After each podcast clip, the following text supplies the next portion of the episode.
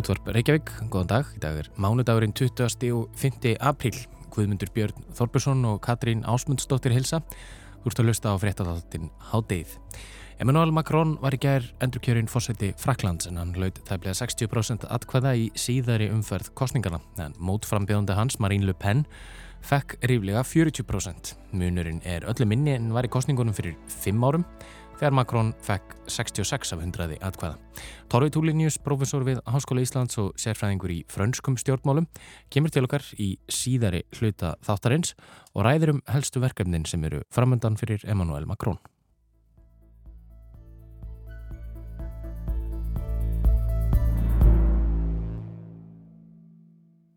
En við byrjum á allt öðru. Þýskur ábrótamaður á 50-saldri hefur ofinbeglega hlotið stöðu grunas manns í rannsókn portugalsku lauruglunar í máli breskustúlkunar Madeleine McCann sem kvarf í fjölskyldu frí á Portugal fyrir réttæpum 15 árum þegar hún var aðeins þryggja ára gömul.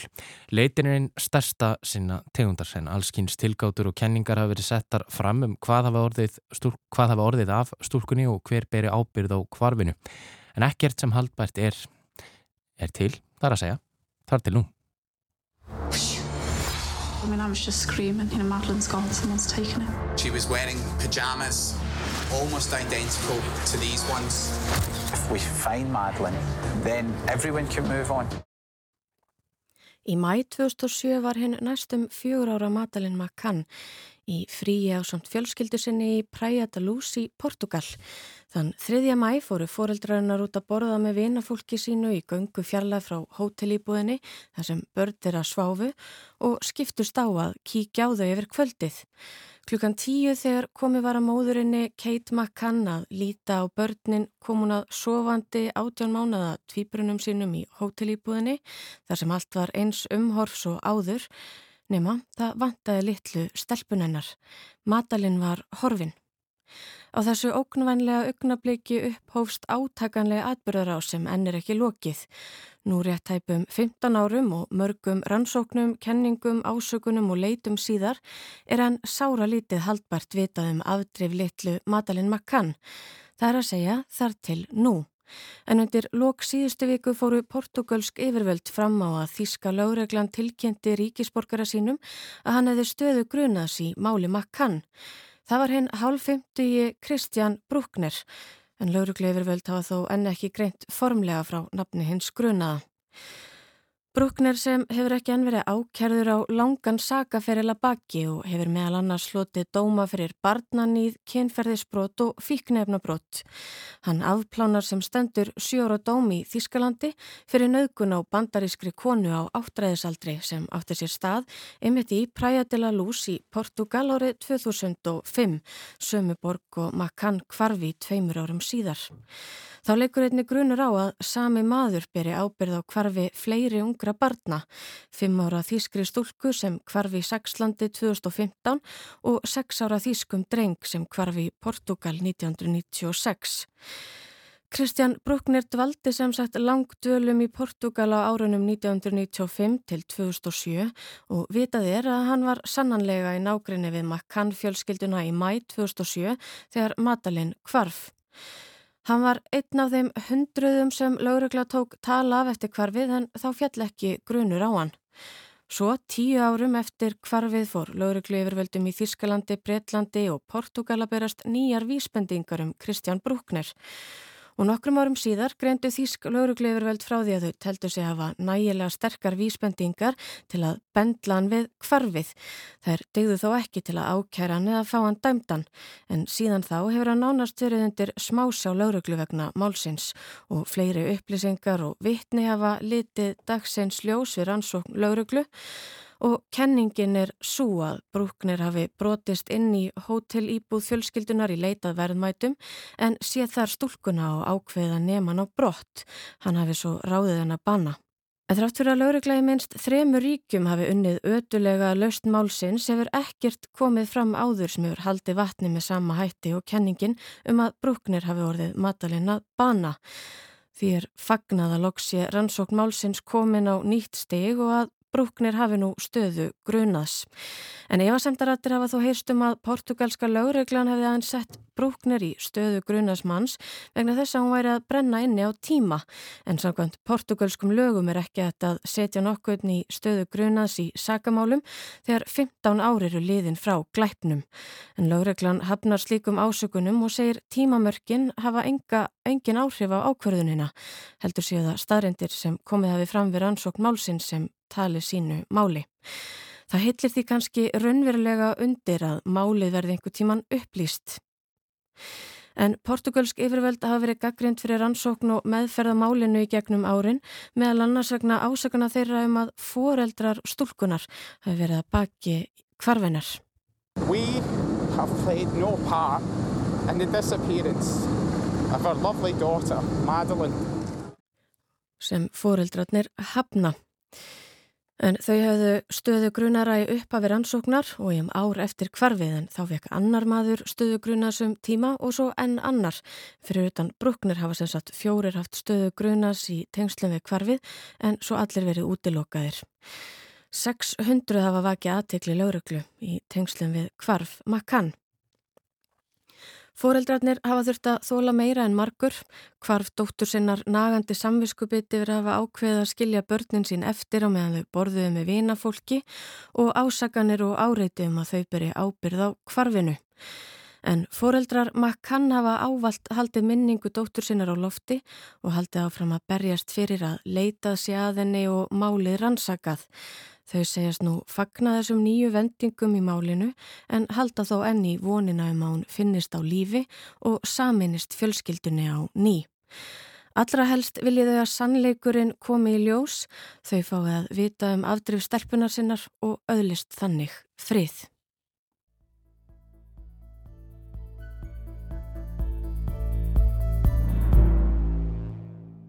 En þá förum við yfir í evrósku stjórnmálinn. Emmanuel Macron var í gerð endurkjörin fórseti Fraklands en hann hlaut tefnilega 60% atkvæða í síðari umferð frönsku fórsetakostningana.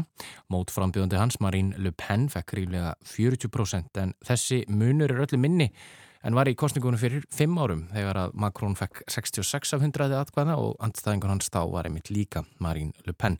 Hann er sestur hjá okkur hann Torfi Túlínius, profesor við Háskóla Íslands og sérfræðingur í frönskum stjórnmálum. Velkomin Torfi. Já, takk fyrir að bjóða mér.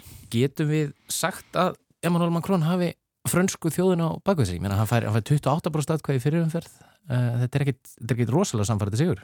Uh, nei, nei, og hann sko í sigurræðunni sem að einlega valla er hægt að kalla sigurræðu en ræðunni sem hann flutti í gerðkvöldi fyrir framann F-turnin þegar að ljóst var að hann hefði haft þetta þá var hann mjög auðmjúkur hann sagði ég veit að mjög mörg ykkar sem að greitu mér atkvæðið ykkar í, í þessari, kostni, í þessari setni umferð þið voruð að greiða atkvæðið gegn Lupen mm -hmm.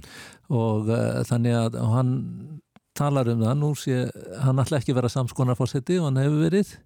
Hann ætlar að breyta til. Hann vil meira samráð og reyna að finna upp einhverja lausnir þar sem hægt er að, að vinna saman. Þannig hann er að byggja um samræðu og samstarf svona þvert yfir e, svona hinnar pólitísku viglínur mm -hmm. og hann þarf þess náttúrulega núna sérstaklega í ljósið þess að er ekki þingkostningar framöndan og, og þar á hann á hættu að hans flokkur hann á ekki meira hluta Jú, hann sem þetta fekk þarna, sko það eru þingkostningarna kom alltaf í kjölfar uh, fórsetakostningarna uh, það hefur verið svona næstu bara regla að, að fósittin hefur svona í bara það hefur verið svona hvað er það svona svo mikið stemning með fósittanum að uh, hann hefur yfirleitt alltaf náð þingmeiri hluta eða hans fólk og uh, það eru sem þetta, samningar sem eru gerðið millir flokka og þess áttar til að, til að tryggja það. Og hann fekk þetta mjög sterkan meiri hluta fyrir fimm árum af Eh, og það var eiginlega því merkilegra að hann var með alveg glæniðan flokk sem var bara búin til í kringum hann mm -hmm.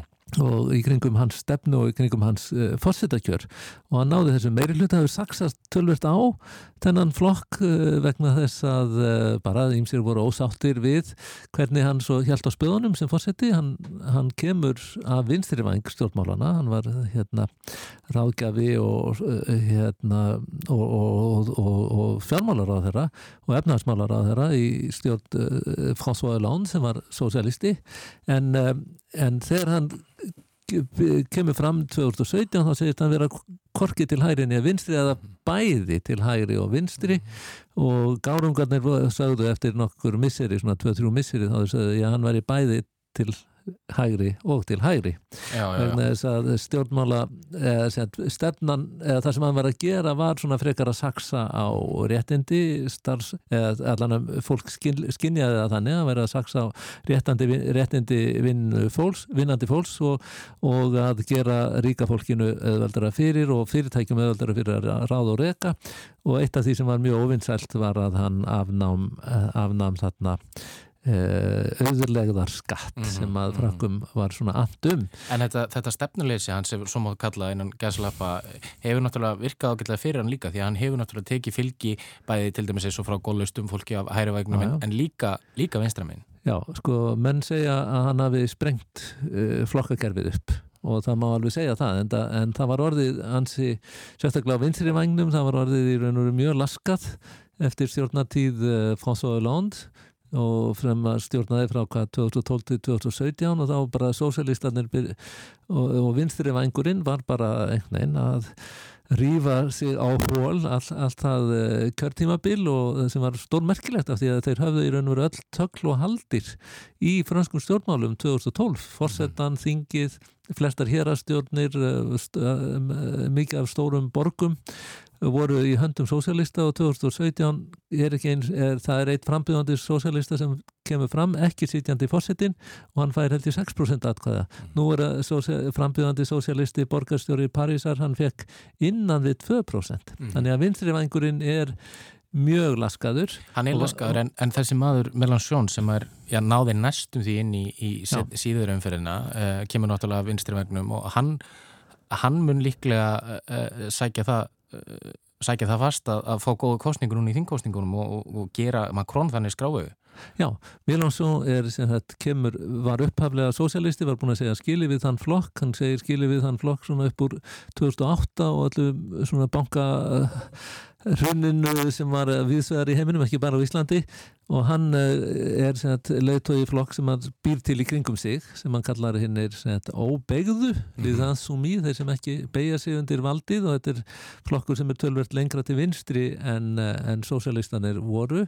Hafnar þessari svona þjónkun kannski við við uh, hérna, stórfyrirtæki sem að sósialistar voru kannski sagaðir um eða sosial, svona, of, veru ofkratískir um, mhm.